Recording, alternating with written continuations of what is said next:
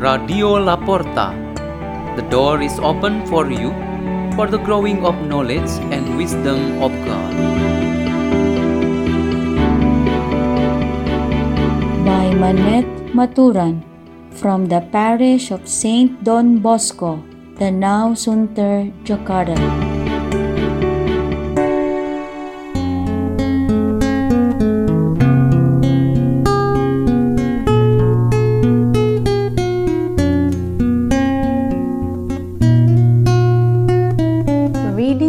Meditation on the Word of God Wednesday in the first week of Lent.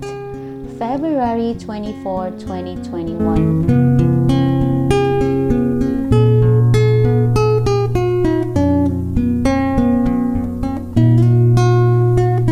The reading is taken from the Holy Gospel according to Luke.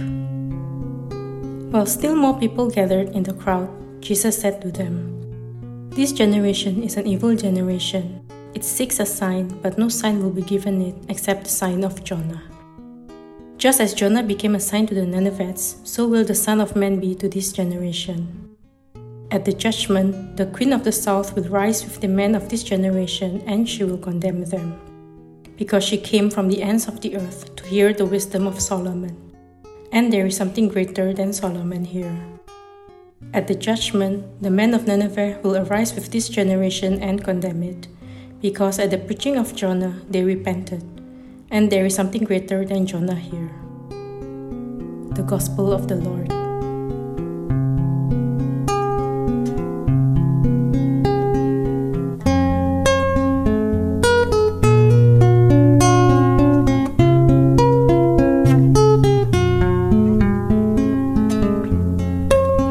The theme of our meditation today is a warning sign.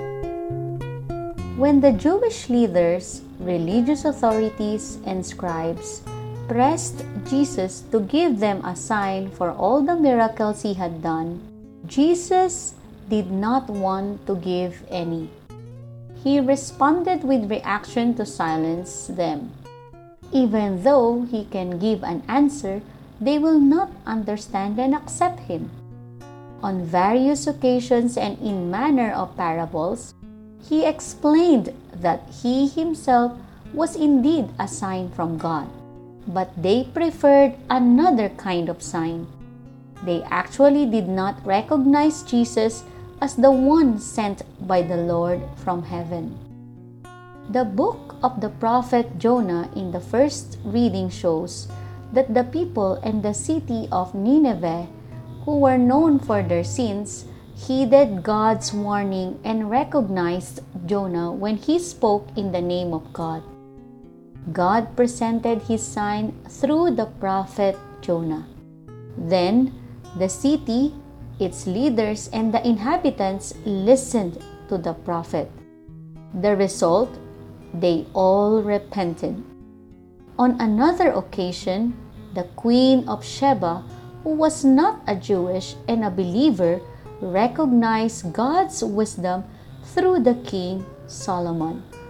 This shows that Jonah and Solomon were truly signs from God. God's signs through Jonah was the message of God's mercy to the people of Nineveh. Through Solomon, God delivered the message of joyful wisdom to the queen and the whole world. If we are contented and ready to accept, to acknowledge, and to believe in the message from God through human signs, we will find light for our lives, and God blesses us with abundant gifts. We will have joy, peace, happiness, and salvation. The problem is that there are always human reactions not to hear, to reject, and not to heed the warning. Obviously, those who have these types of reaction do not please God and they will not find the heavenly blessing. The reactions of the Jewish leaders, religious authorities, and scribes were even harder as they did not accept the signs that came from heaven. They did not acknowledge God who is more powerful than Jonah and Solomon. This was their big mistake. And so the Lord warned them strongly and even cursed them. We experience God's presence directly through the preaching of His Word. The Word is preached as the light and source of our lives through the various ministries of the Church. In the Eucharist, the Word becomes the body of Jesus we receive and eat. In the sacrament of reconciliation, the Word becomes a gift of mercy that forgives and saves us from sin.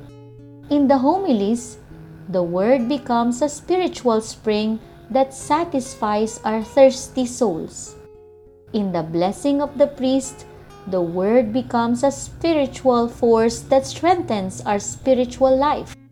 In the spiritual songs, the Word becomes a gentle touch that makes us calm and comfortable. In the counsel of parents and adults, the Word protects us. So, throughout our lives, the Word of God is incarnated. We just need to accept and acknowledge that there is God, and then we fulfill His will. Let us pray. In the name of the Father, and of the Son, and of the Holy Spirit. O most loving and generous Father, fill our hearts with your wisdom and love so that we may grow in the way you want us to be. Let us always acknowledge you and your plan for us. Glory be to the Father, and to the Son, and to the Holy Spirit, as it was the beginning, is now, and will be forever. Amen. In the name of the Father, and of the Son, and of the Holy Spirit. Amen. Radio La Porta. The door is open for you.